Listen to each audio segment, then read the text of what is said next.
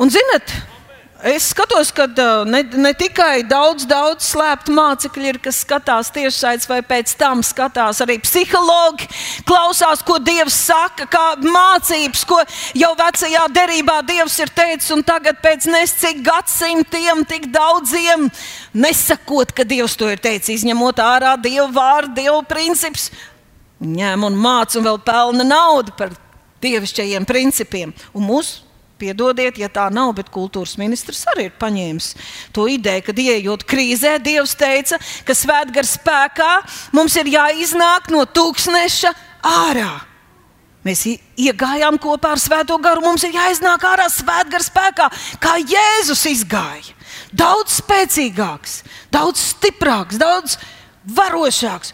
Viņš bija piedzīvojis kaut ko. Tu pārbaudījis, piedzīvojis un izgājis. Kāpēc es pieminēju kultūras ministru? Jo viņš laikam vienīgais no ministriem saka, ka mums, tai kultūras elitei un visiem māksliniekiem, arī ir jāiznāk labākiem, un stiprākiem un gudrākiem. Bet Mums ir tā milzīgā privilēģija, ka mums ir dots cienīgais svētais gars mums Dieva bērniem. Un mēs iegājuši kopā ar viņu. Ir ļoti svarīgi, lai arī šai laikā, lai mēs izietu kopā ar svēto garu, lai mēs šo dzīvi nodzīvotu kopā ar svēto garu, un lai viņš mūs varētu aizvest mājās, lai viņa spēkā mēs pēdējai bazūnai atskanot arī pārietu godībā. Tāpēc ir svarīgi, ka mēs uzticamies, ka mēs rēķinamies ar svēto garu. Jo nav nekur teikts, ka svētais gars kontrolēs, svētais gars spiedīs, pavēlēs, um, uh, vilks, stūms, grūdīs, sitīs. Nekur tā nav teikts par svēto garu. Ir teikts, ka viņš mācīs, vadīs, atgādinās. Svētais gars nekur nav nosaukts par buldozeru tanku vai āmuru. Bet svētais gars ir, nos, ir saukts par skolotāju, mierinātāju, aizstāvi, palīgu, lielais palīgs. Tā domājot, mēs saprotam, ka tās ir tāds ļoti liels cieņpilns attiecības, attiecības ar pašu Dievu attiecības, kur es dodu priekšroku, kur es rēķinos, kur es vēlos. Tās ir attiecības, kur es padaru sevi atkarīgu ne no sociāl, sociāliem tīkliem, ne no Instagram un Facebook kontiem, ne no skārienu jūtīgiem ekrāniem, bet es padaru sevi atkarīgu no svētā gara. Tās ir attiecības, kuras gribu, lai mani vada. Un man nosaka, palīdz man izvēlēties man dzīves stilu, nevis influencer, bet cienīgais, svētais gars.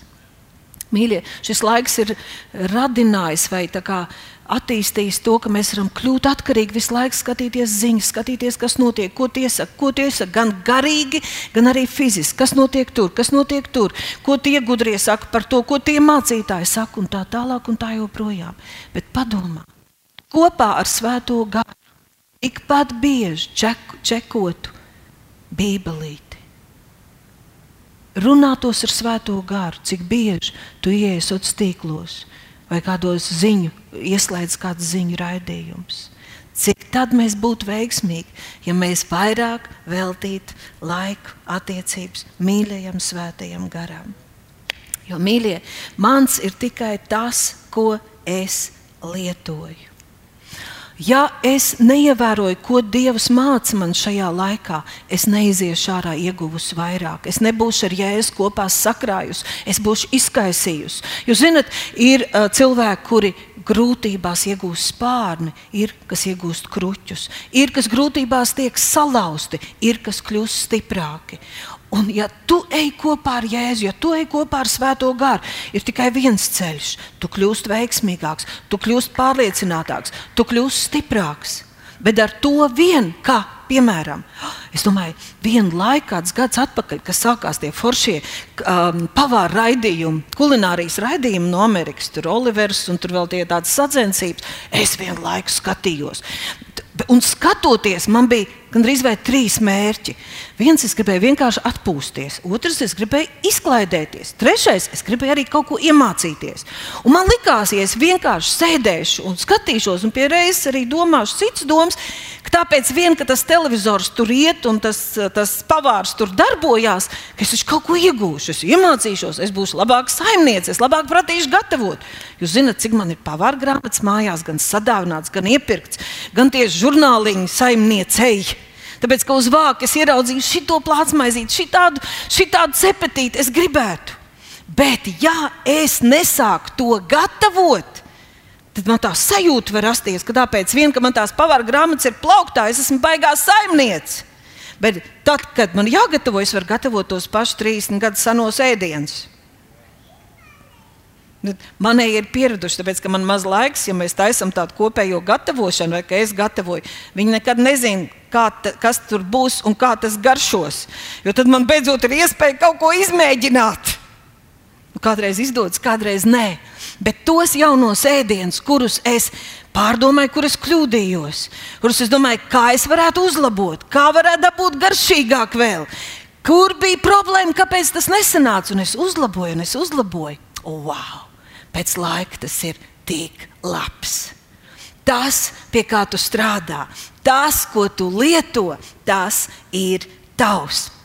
Citādāk, tādi piedzīvojumi, pārdzīvojumi, laiks, kad Dievs uz tevi runā, vai pārbaudījumi, iedod tikai tādu pieredzi, kura vienmēr atnāk ilgi pēc tam, kad tev tā bija nepieciešama.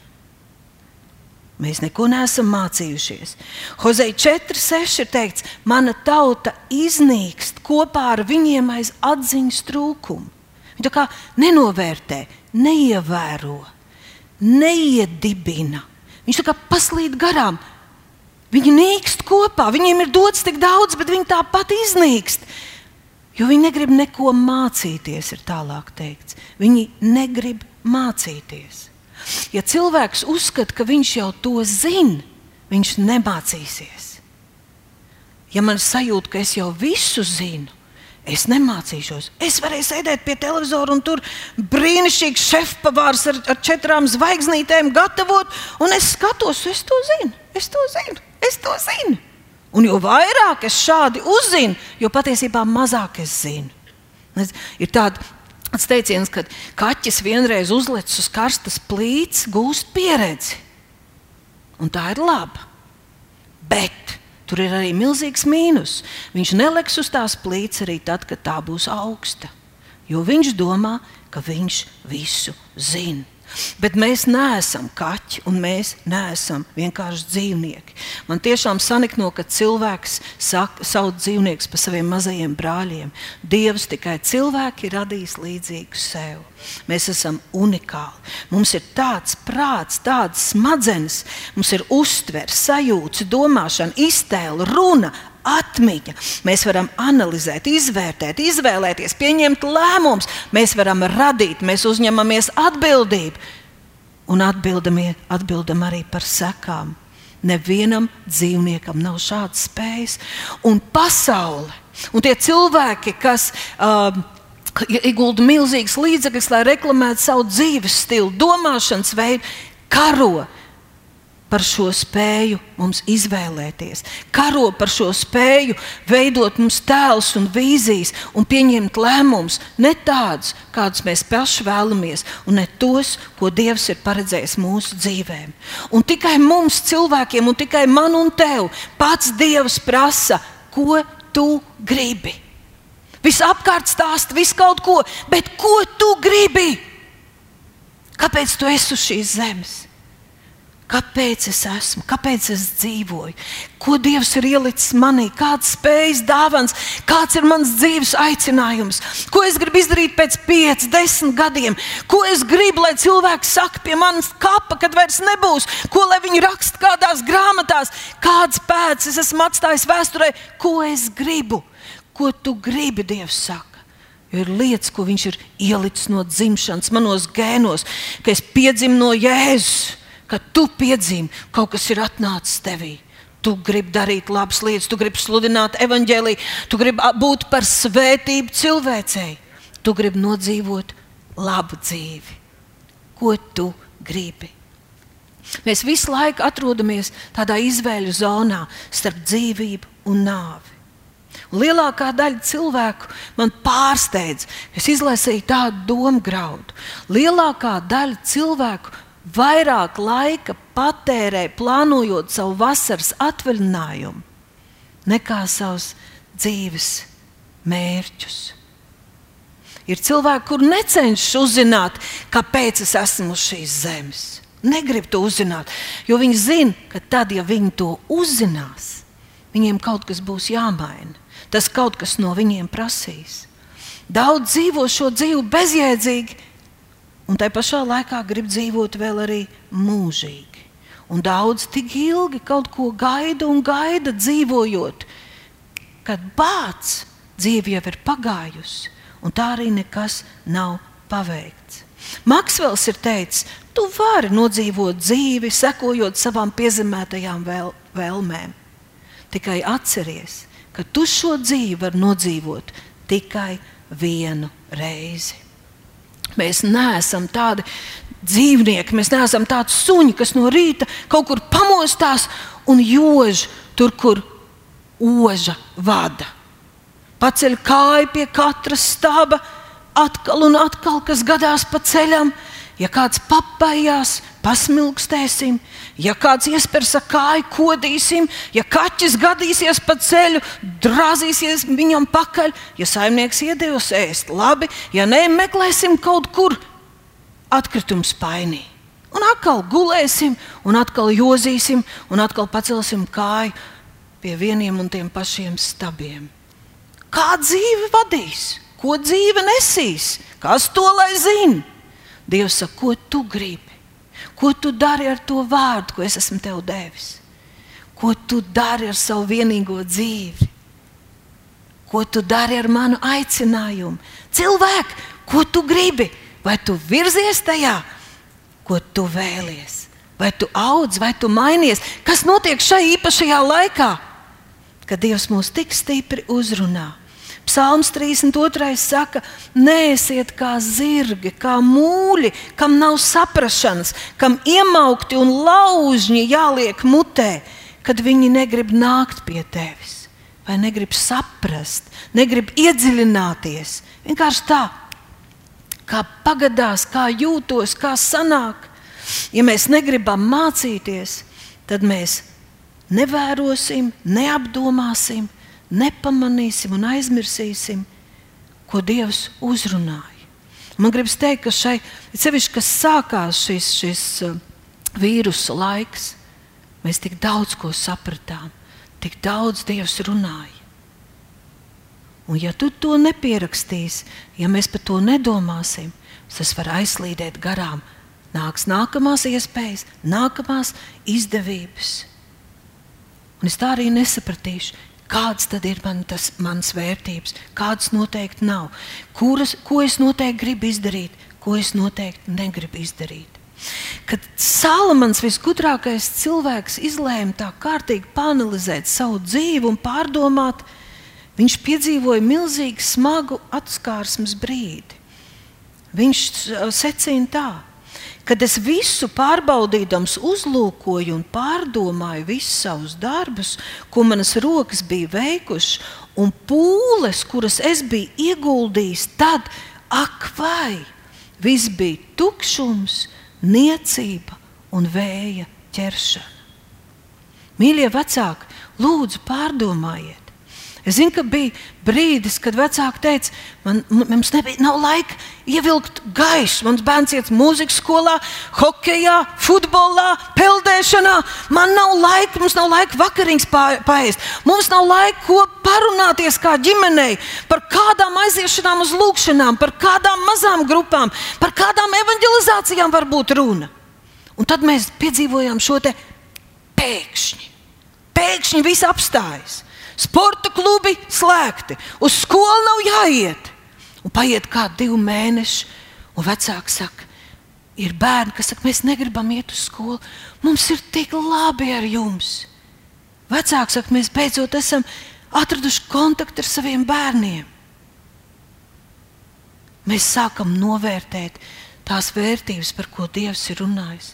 Mēs sākam vairāk lasīt kopā. Mēs katru vakaru visi ģimeni lūdzam. Mēs piedalāmies tagad trešdienās, tiešsaistes lūgšanās. Tas mums ir kaut kas jauns, un tas ir tik spēcīgi. Drīz vien tagad lēnām viss nāk vaļā. Hei, vai tu izvērtēji, vai tu pierakstīji, ko tu saprati? Kam bija jēga un kam nebija? Vai kā atnāks, tu atkal skriesi, tu atkal laidīsi bērnu visos četros pulciņos un pats aizelsies, atkal skries, jo līdz atkal nākamreiz ieskries stabā. Un mēs nezinām, kas mums stāv priekšā. Tāpēc izvērtēt, iedziļināties, saprast, lai nebūtu jādzīv, jāpiedzīvo tas, kas Salamanam ir visi pūliņi. Tā ir bijusi niecība un vēja ķeršana. Viens no aktuāliem vārdiem, par ko man ir bijis atkal un atkal jādomā, šajā laikā ir no 90. psalma 12. pāns. Māci man manas dienas tā pavadīt, lai es gudru sirdi dabūju. Māci, kungs, manas dienas tā pavadīt, lai es gudru sirdi dabūju. Cits tulkojums saka, palīdz man atcerēties, ka mūsu dienas ir skaitīts, tas ir paplašināts tāds, un palīdzi mums izprast, savu dzīvi pareizi, ieliec savu gudrību dziļi manis, manā sirdī, lai es pieņemtu tavas korekcijas. Ir vietas, kur Dievs saka, es, es laidu cilvēku tā kā sargājot savā rokā. Es, es viņam pieļauju kādus piedzīvojumus un pārdzīvojumus, lai viņš kaut ko iemācītos. Bet, kad viņš bija izgājis tam cauri, nekas nebija noticis. Sārņi no dārgmetāla nebija atdalījušies. Cilvēks nebija gribējis neko saprast un neko mācīties. Māci, kungs, man tā dienas pavadīt, lai es gudru sirdi dabūtu. Svētais gars noteikti tajā mums grib un var palīdzēt. Tāpēc ir ļoti svarīgi, ir ļoti svarīgi no vienas puses saprast sevi, pieņemt sevi, mīlēt sevi, bet tikpat svarīgi ir arī izvērtēt sevi. Tā kā, kā no malas novērtēt, pārbaudīt savas domas, rīcību, savus soļus. Svarīgi izvērtēt, kā tās vērtības, kas ir uz manas mēles, ko es zinu, ko es māku citiem pateikt, kā viņas saskan cik daudz viņas reāli ir manā ikdienā. Manā ikdienā, kad neviens man neredz, manā dzīvē, manos ikdienas soļos. Čērčils ir teicis tā, laiku pa laikam cilvēki patiešām aizķeras, paklūpot aiz patiesības. Viņi tā kā satiekas ar patiesību. Taču lielākā daļa cilvēku pēc tam ātri pieceļas kājās un steidzas tālāk it kā nekas nebūtu noticis. Man tas atgādina tādu dzīvnieku, kas tā iekrīt, kaut kur aizķerās, tad noskurinās un dur tālāk. Tāpēc šo svētdienu es gribētu nosaukt, paskaties patiesībai acīs, vai paskaties reāli sev acīs. Jo problēmas noliekšana, tā realitātes noliekšana, tā problēma noteikti neatrisina. Tā ir tā strausa politika. Vārds saka, patiesība dara brīvu. Patiesība dara brīvu mainīties. Patiesība dara brīvu rīkoties. Kad es vairs nedzīvoju ilūzijā, ka es vairs nemānu sevi, ka es netēloju sabiedrībā vai sociālos tīklos kaut kādu iedomātu būtni, tēlu kristiešu vidē, kāda es gribētu būt. Bet es dzīvoju, es esmu saskaņā ar sevi, es esmu procesā, lai Jēzus patiesi atdzīvo, atdz, atdzīvot manī un es dzīvotu svētā gara spēkā. Mīļie, tā ir taisnība, ka vajag patiešām drosmi, lai drosmīgi un atklāti paskatītos sev acīs paskatītos, kāds tad es patiesībā esmu.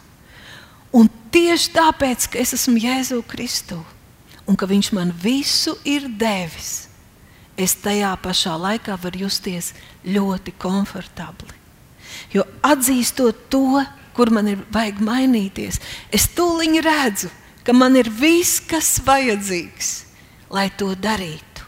Lai tas, kā es gribu, varētu arī notikt manā dzīvē. Mīļie, tagad uzmanību uz tādu ļoti nopietnu patiesību. Vienīgais veids, kā es rīt varu nokļūt tur, kur es vēlos, ir atzīt, kur es esmu šobrīd. Un atzīt, kādas man šobrīd ir problēmas, kas man ir jāmaina. Saprast to, tas dod man iespēju mainīties. Tas ir pamats, lai paceltos lidojumam. Ja es šodien nepieņemu lēmumu par šodienu, bet es pieņemu lēmumu par ko es darīšu kaut kad, kāds es būšu kaut kad rīt. Man ir tādi, tādi sapņi, man ir tādas iz, iztēles, man ir tādi plāni. Es pieņemu tāds milzīgs piecgadus lēmums, ko es darīšu pēc desmit gadiem un kur es būšu. Bet es nepieņemu lēmumu, ko es darīšu šodien. Ko es mācīšos šodien, ko es izmainīšu šodien, kā es labošos šodien, ko es apgūšu šodien. Tad tā ir vienkārši atlikšana un sevis mānīšana. Tas ir rīta sindroms. Jo es domāju, ka mums kā draudzē un ikvienam ir ļoti, ļoti svarīga tāda pamata patiesība. Kas man jādara šodien, lai es būtu gatavs tai nezināmajai šī gadījumā, nākotnē, rīt?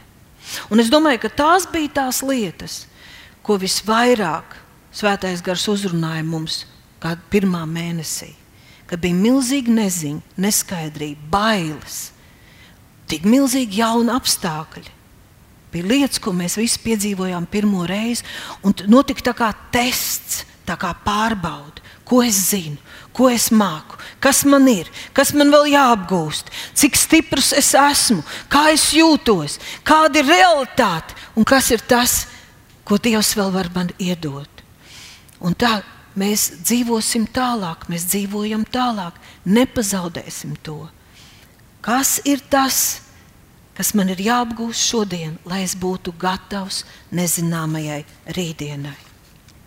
Šāds realistisks skats par šodienu, tāda patiesības atzīž, atziņa par šodienu, tā noteikti neatņem drosmi. Tā nenosoda un nepazemina, bet tā tiešām dod pamatu lai varētu pacelties un nokļūt līdz gala mērķim. Es domāju, ka neviens no mums nejustos droši iekāpis lidmašīnā un tur stūrte mūs uzrunātu. Cienījamie pasažieri, apsveicam, ka esat izvēlējušies mūsu avioreisu. Atlaižaties, jūtaties brīvi un izbaudat lidojumu. Mēs gan nezinām, cik degvielas ir tvertnē, jo nebija laika to pārbaudīt. Un tāpat nav ne jausmas, vai nolaižoties atvērsies, atvērsies šasīs. Taču mēs esam pārliecināti, ka beigās viss būs labi un līdz galam nokļūsim. Taču starp citu, līdz kādam galam arī mēs īsti nezinām. To redzēsim tad, kad nolaidīsimies. Bet beigās viss būs labi. Es domāju, tā ir tāda pārprasta ticība. Mums nepietikt ar tādu entuziasmu. Mēs priecājamies, ja lidmašīnas pacelšanās drīzāk aizkavējas, un mēs redzam, ka tur kārtīgi kaut kas tiek pārbaudīts, un vēl nāk speciālisti un kaut ko testē. Tad mēs zinām, ka tā pacelšanās būs droša, ka tas agregāts ir pārbaudīts. Un mē, mums ir svarīgi, lai mēs zinātu, ka pilots zina, kā to lidmašīnu vadīt, un kā nolaisties, un uz kurien viņa nolaidīsies. Un es domāju, ka mēs cilvēki, Dieva bērni, kristieši, esam aicināti, lai mēs būtu sakārtoti, piepildīti, apģērbti, lai mums būtu gala mērķis Un lai kopā ar Svēto garu mēs paceltos, iet no spēka uz spēku, līdz nevis nolaistos, bet satiktos ar savu kungu un glābēju. Atklāsmes grāmatā 2.4. teikts tā. Jēzus tur saka, man pret tevi ir tas, ka tu esi atstājis savu pirmo mīlestību. Tad nu pārdomā, no kā tu esi atkritis. Atgriezies un dari to. Tu ievēro? Jēzus nesaka, tad nu paņem septiņu dienu gavēni, aizej pie mācītāja, izsūdz grēkus, aizej uz mazo grupu, lai, tev, lai par tevi aizlūdz, jo tu esi pazaudējis pirmo mīlestību. Jēzus saka, ko viņš saka? Pārdomā, iedziļinies, pavērtē, salīdzini, vai tas ir tā vērts. Salīdzini, uz kurien tu dodies, ar kādu ātrumu. Salīdzini, kas īstenībā notiek tavā dzīvē, kā tu pavadi dienu, kā tu iesāc un nobeidz dienu, kas aizņem visvairāk tavu laiku. Pārdomā, no kā, Kāpēc? Vai tas ir tā vērts? Un tu aizdegsies. 1. korintiešiem 11. nodaļā, 31. pantā ir teikts, ja mēs paši sevi pārbaudītu, tad netiktu sodīti nepiedzīvot nevajadzīgas grūtības. Paplašinātais tulkojums saka, ja mēs izmeklētu un pārbaudītu sevi, pārskatot savas neveiksmes, izgāšanās un atzīstot reālo stāvokli, mums nevajadzētu tikt tiesātiem, un mēs nesaņemtu spriedumu par sevi. Paskaties drosmīgi savas dzīves acīs un salīdzini, kāda ir tā realitāte, kāds tu gribi būt, kādu tu redzi sevi Kristū un cik tu ļaujies ļaujies šai maigajai, svētā gara korekcijai ikdienā, jo viņš tiešām to var un grib. Bet bieži mēs neredzam tās lietas, kas notiek patiesībā, tāpēc ka tas, ko mēs it kā redzam, viņš neienāk mūsu tai apzinātajā redzeslokā. Un es to gribētu salīdzināt ar tādu, ka tu, piemēram, sēdi uz soliņa, nu, pat kā Elīze tur tajā parkā, un tu skaties tādā peizāžā tālumā un domā savas domas. Un tu pat vari neievērot īsti, ko tu redzi. Tu jūti atmosfēru. Un tad tu tā bišķiņ sāsini skatu, un tu ieraugi, ka tur ir ziedoša pļāva, tur aiziet taciņa, un tur ir mežs. Bet Jēzus šeit atklāsmes grāmatā runā par tādu konst konstruktīvu uh, centralizētu domāšanu, ka tu koncentrējies un pēkšņi tu koncentrējies savā domās, un tu vari visā tajā mežā tur tālumā saskatīt vienu konkrētu koku un dzēni, kas tur kaļ, un sadzirdēt, kā viņš to kaļ. Tu koncentrējies, tu apzināti pieņem lēmumu, domāt, par to, ko tu esi izvēlējies saprast un domāt. Izvērtēt, saprast, Dievs, kā. Es negribu to aizmirst. Ko man mainīt? Tu ņem papīru, lapu, tu strādā. Jūs zināt, es gribu teikt, ka tāda izvērtēšana bieži vien var būt kopā ar Dievu klātbūtni, ar Svēto garu. Var būt daudz svētīgāka lūkšana. Nekā tu vienkārši tā, tā, tā, tā, tā dod man to, paldies par to, amen, Jēzus vārdā es durus priekšu. Bet tā, ka tu domā, tu lūdz, Dievs, tu tā es teicu, kā lai es to paveicu? Palīdz man, Jā, kungs, jā, es, es tā vēlos. Un svētais gars tev teiks, paņem plānotāju, ierakst punkts viens, punkts divi. Uzrakst savu ikdienas pulkstenīt, atrūt laiku, tikties ar mani. Kāpēc tas būtu svarīgi? Ko es iegūšu, ja to darīšu? Ko es iegūšu, ja to darīšu? Ja to darīšu katru dienu, 15 minūtes. Ko es zaudēšu, ja to darīšu? Ko es zaudēšu, ja veltīšu regulāru laiku dievam? Un ko es zaudēšu, ja to nedarīšu? Wow! Es domāju, pastrādājot pie šiem trim jautājumiem, tev būs tāds svētrums sev, ka tu uzliks no savu krēslu un teiksi, jā, ir vērts paklausīt Dievam. Jo es zinu, kā no punkta A es varu nokļūt līdz punktam B. Kāds vīrs teica, tas, kurš nedomā par svarīgo, parasti kļūst par ikdienas rutīnas vergu. Un par to Jēzus 44. nodaļā Dievs runā uz savu tautu. Un viņš saka, jūs esat pazaudējuši atziņu un saprātu, jūsu sirds ir apcietināta, ka jūs nepārdomājat un neapjēdzat, ko jūs darat kalpodam elkiem. Jūs to pašu koku lietojat, lai sasildītos, tad sadedzinātu ugunī un pagatavotu maizi un uzceptu gaļu. Un no atlikušā jūs izveidojat elka tēlu un tad sakat, palīdzi man un pielūdzat to. Kas ir noticis ar jūsu sirdīm? Jūs savu cerību liekat uz nīcīgām lietām, uz pelniem. Jūs maldina jūsu pievilktās sirds un apmātais prāts. Jūs nenākat pie garīgas skaidrības. Paldies Dievam, ka mēs dzīvojam šai laikā, ka Svētais Gars tik tuvu ir pie mums. Un, un mēs varam teikt, mēs esam maleči, mēs esam atsaukušies, mēs esam daudz ko sapratuši, bet es tev gribu iekārdināt uz kvalitāti.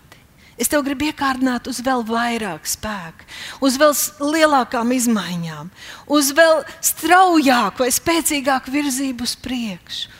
Izmaiņas dzīvē, pieaugums, attīstība, paplašināšanās, virzība pareizā virzienā. Dāvids, es lasīju psalmus, un tur tik ļoti daudz, piemēram, 39. psalmā, viņš saka, un viņš runā par to, ka tad, kad man ir liels bēdas, es no sākuma nāku, es nāku pie Dieva un es stāstu, un mans sirds ir nospiesta, un mans prāts ir, ir, ir, ir, ir velk uz depresiju. Bet tad viņš saka, es pārdomāju, un manas pārdomas lika aizdegties ugunī manā sirdī. Un tik daudz ir tādu atslēgas vārdi. Es tagad nelasīšu to visu, bet es pieminu savus senos laikus, es atceros visus tavus darbus, es pārdomāju visu, ko tava roka ir darījusi. Es domāju, es pieminu, es, es uh, jautāju Dievam. Rezultāts vienmēr ir. Viņš saka, es paceļu savus rokas pret vareno Dievu, un es zinu, ka kopā ar viņu es iziešu, es uzvarēšu, mēs varēsim. Tikai lai tie nav sociāli tīkli, kas paņem tavu laiku, lai tie nav pasaulīgi influenceri, kas vada tevi tavās vērtībās. Jo mēs ar tevi esam izvēlējušies vareno Dievu. Un es eju uz beigām, bet es gribu teikt, ir cilvēki, kuriem patīk uzdot jautājumus. Un kad tu kaut ko ar viņiem runā, viņi, kā tu, mazi bērni tā dara, a, kā tu, a, kāpēc tu? Un, un, un tā tālāk, un tā joprojām. Lai gan jau, varbūt tās atbildes nemaz neinteresē. Bet ir tik svarīgi uzdot sev pareizos jautājumus. Un tur vajag drosmi, jo tev vajadzēs arī sev atbildēt. Un bieži vien svētais gars uzdod, viņš gribētu uzdot, tai, ko mēs saucam par lūgšanu, tajā laikā, ko mēs veltam Dievam. Viņš grib uzdot jautājumus. Kā tu pavadīji šo dienu? Ko tu iemācījies? Ko tu varētu tajā mainīt? Man ir vesela lapa, ko es izrakstīju. Tās dažādas lietas, ko mēs varam sev pajautāt. Vai es ietekmēju kādu cilvēku dzīvi? Kā es to nākamreiz varētu izdarīt labāk? Kur es kļūdījos? Kā man vajadzētu rīkoties savādāk? Vai es parādīju mīlestību saviem bērniem, teiksim? Es varētu teikt, jā, vai viņi to sajūta, jo bērniem vajag sajūtas. Kā viņi to sajūta? Varbūt es varu pārliecināties, kā es varētu darīt labāk, pareizāk, vairāk. Kas ir tas, ko Dievs man ir devis, ko es varētu citiem atdot? Vai es to daru, vai es to vakar darīju? Es varu šādi izvērtēt sevi nedēļas kontekstā, bet tik labi ir patrenēties, tā ir domāšana, asināt šo prātu, ko Dievs man ir devis. Vakarā, kāda šī diena pagāja? Vai tā bija laba diena? Ko es iemācījos? Vai es darīju kaut ko vairāk? vai es iepazinu Dievu vairāk, vai es paklausīju viņam vairāk, kuros brīžos un kad nē, un kā varētu, ko man rīkoties, lai nākamreiz es tā vairs nedarītu. Tad tas nav mūlis, tas nav zirgs, tas nav suns, kas vienkārši jož tur, kur oža vada un ceļ kāju, kur ir tas pats vecais stāps. Vai ne? Un tad Mums nevajadzētu sagaidīt jauno gadu, lai izvērtētu pagājušo, bet mēs varam skatīties vesela mēneša kontekstā. Ja esam laulībā, mēs varētu atgādināt viens otram un teikt, es tev uzdāvināšu divas stundas, aizēju kaut kur pļavā, mežā, vai es iziešu ārā ar bērniem. Atļausim viens otram pabūt pa vienam, vienatnē, kādas divas stundas ar Dievu un izvērtēt šo mēnesi. Paņemam plānotāju, ko es darīju, ko es darīju darbā, ar kādiem cilvēkiem saskāros, kā es viņus ietekmēju, kādas sajūtas un atmiņas es atstāju cilvēku dzīvēm. Un tad redzat, tad es esmu šeit, bet man ir kaut kādas ilgas, gribēšanas. Un, ja es to nenofiksēju, es visu laiku atģitos, ka es vienkārši esmu atkal aizlidojis ne tur, kur gribēju. Bet, ja es nostiprinu sevi šai realitātei, es pārbaudu šasīs, pārbaudu motoru un ielēju degvielu, cik ir vajadzīgs, jo es rēķinos ar tiem dieva resursiem. Viņš taču man ir devis visu, viņš ir ar mani, man ir visi apsolījumi, man ir vairāk nekā vajadzīgs, es varu. Tad es saku, jā, es, es mācīšos, un es kaut ko pierakstu, es kaut ko apņemos. Kāds profesors ir teicis, cilvēks, kurš sāk rakstīt, sāk arī domāt. Kad es sāku pierakstīt savu gribēšanu, savu plānu, savas vērtības, savu realitāti, es eju ārā no tāda plaša, aizēju tur, kaut kur atnest to, nezinu ko. Un es sāku fokusēties uz konkrētu koku mežā, uz konkrētu mērķi, uz konkrētu apsolījumu uz konkrētu dieva gribu manā dzīvē. Pārdomām ir vajadzīgs laiks. Tur nedara visu laiku austiņas, tur nedara visu laiku sociālie tīkli.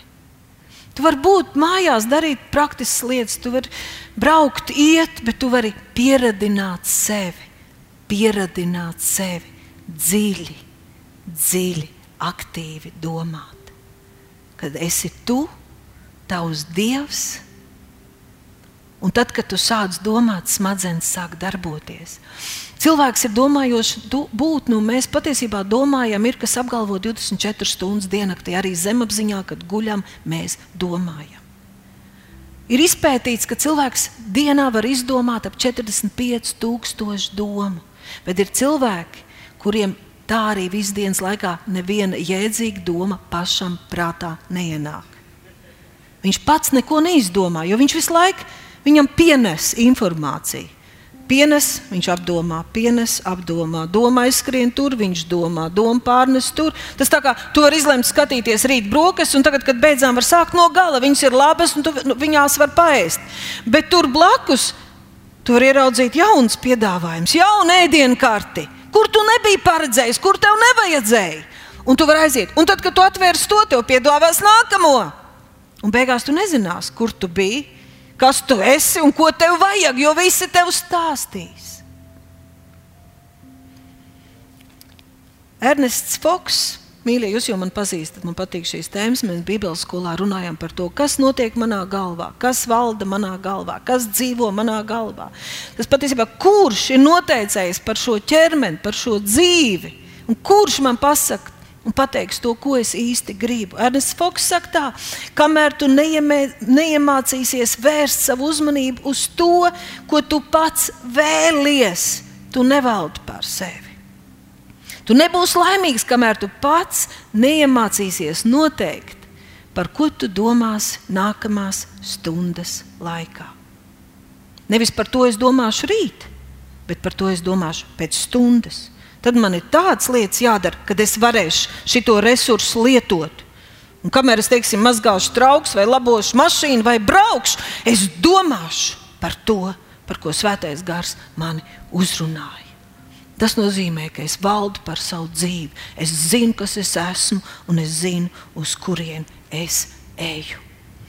Jozo 1,8 ir teikts, lai tava mute nepamet vārdu, apdomā dienām un naktīm. Tad tev viss laimēsies, tev viss izdosies, tu varēsi. Mums patīk tas, tev viss laimēsies, tev viss izdosies, tu varēsi. Es esmu Jēzu Kristu, tāpēc man viss laimēsies, izdosies, un es varēšu. Es taču esmu Jēzu Kristu. Bet tur pirms tam ir teikts, domā ar muti. Tas nozīmē, runā pie sevis, tā lai ausis, runā apsolījums, runā, analizē, sarunājies ar sevi. Sarunājies, līga, kāpēc tu dari, kāpēc tu neklausi svētajam garam, vai tu, tu neredzi, ka vēlams tevi piemuļķo? Nē, es taču dumja, izbeidz tā rīkoties. Ja neviens cits tev to nesaka, parunājies pats ar sevi. Un tas tev ļoti palīdzēs. Tur ir teikts, paskaties, apdomā dienām ar, un naktīm, kā ar muti, lai tava mute nepamet. Domā, skaļi, nokoncentrē, ko tu domā. Un tad izvēlies pēc tam, ko tu gribi domāt. Un kad tu tā dari, svētais gars nāk palīdzīgā un tev pārņem prieks un spēks un, un, un vēlēšanās augt un mainīties. Pavisam vienkārši šī divu gadu vārds. Patiesībā viens vārds - celies! Draudzē, celies! Es ticu, ka tu pieliec no divām. Neapgāz galdu. Tu paklaus vārdam, vai ne? Celies! Dievs celies, celies, mana draudzene, celies! Un tagad, kas notiek ar šo vārdu? Kas ar šo vārdu notiek? Iedomājieties, divus gadus mēs teiksim, katru svētdienu mēs varētu klausīties. Celies! Kāds vārds šogad? Celies! Ko Dievs teica? Celies! Tu esi piecēlies, es celšos, es sevi redzu. Pēc desmit gadiem es sevi redzu. Dievs, kā es varu celties kā personība? Kā es varu celties savā drosmē? Dievs, ko lai es daru, lai es celtos savā aicinājumā, lai es celtos savā darbā, savā dāvanās, lai es celtos savā veselībā, savā finansēs? Kā man Dievs celties? Kā man celties, lai es varu glābt cilvēkus? Lūk, tagad mēs to problēmu saskaldījām pa daļiņām. Un nu svētais gars mums var palīdzēt. Viņš sūtīs vārdu, viņš dos spēku. Mēs izstrādāsim plānu kopā ar viņu. Un drusciņi pa drusciņi, drusciņi pa drusciņi virzīsimies uz priekšu. kad viss sākās un notika. Es, un es dzirdēju, ka daudz citu teica tā, ka tas viss beigsies, man ir viena baila. Es negribu nekad palikt vairs tāds, būt tāds, kāds es biju pirms tā krīze sākās. Esmu tagad tik daudz sapratis, Dievs ir mācījis. Mums ir jāiet kopā ar Svēto garu cauri šim dzīves tūkstnesim, skaistajam un tomēr salīdzinoši ar debesīm. Lai svētgara spēkā mēs pēdējai bazūnai atskanot, nonāktu mājās un atskatoties. Mums nebūtu nenormāls pārdzīvojums, ka neko vairs nevar mainīt, ka visas izdevības un iespējas, kas bija, ir palaistas garām, nepamanītas, neievērotas. Ka es Kamā bija tāds, mēs skatījāmies uz to viņa beidzu. Ar vīru mēs skatījāmies tādu mazu fragment, kur Ķīnā, es nezinu, kurā gadā, liekas, pavisam nesen bija sagrūvis tāds septiņu stāvu lielveikals.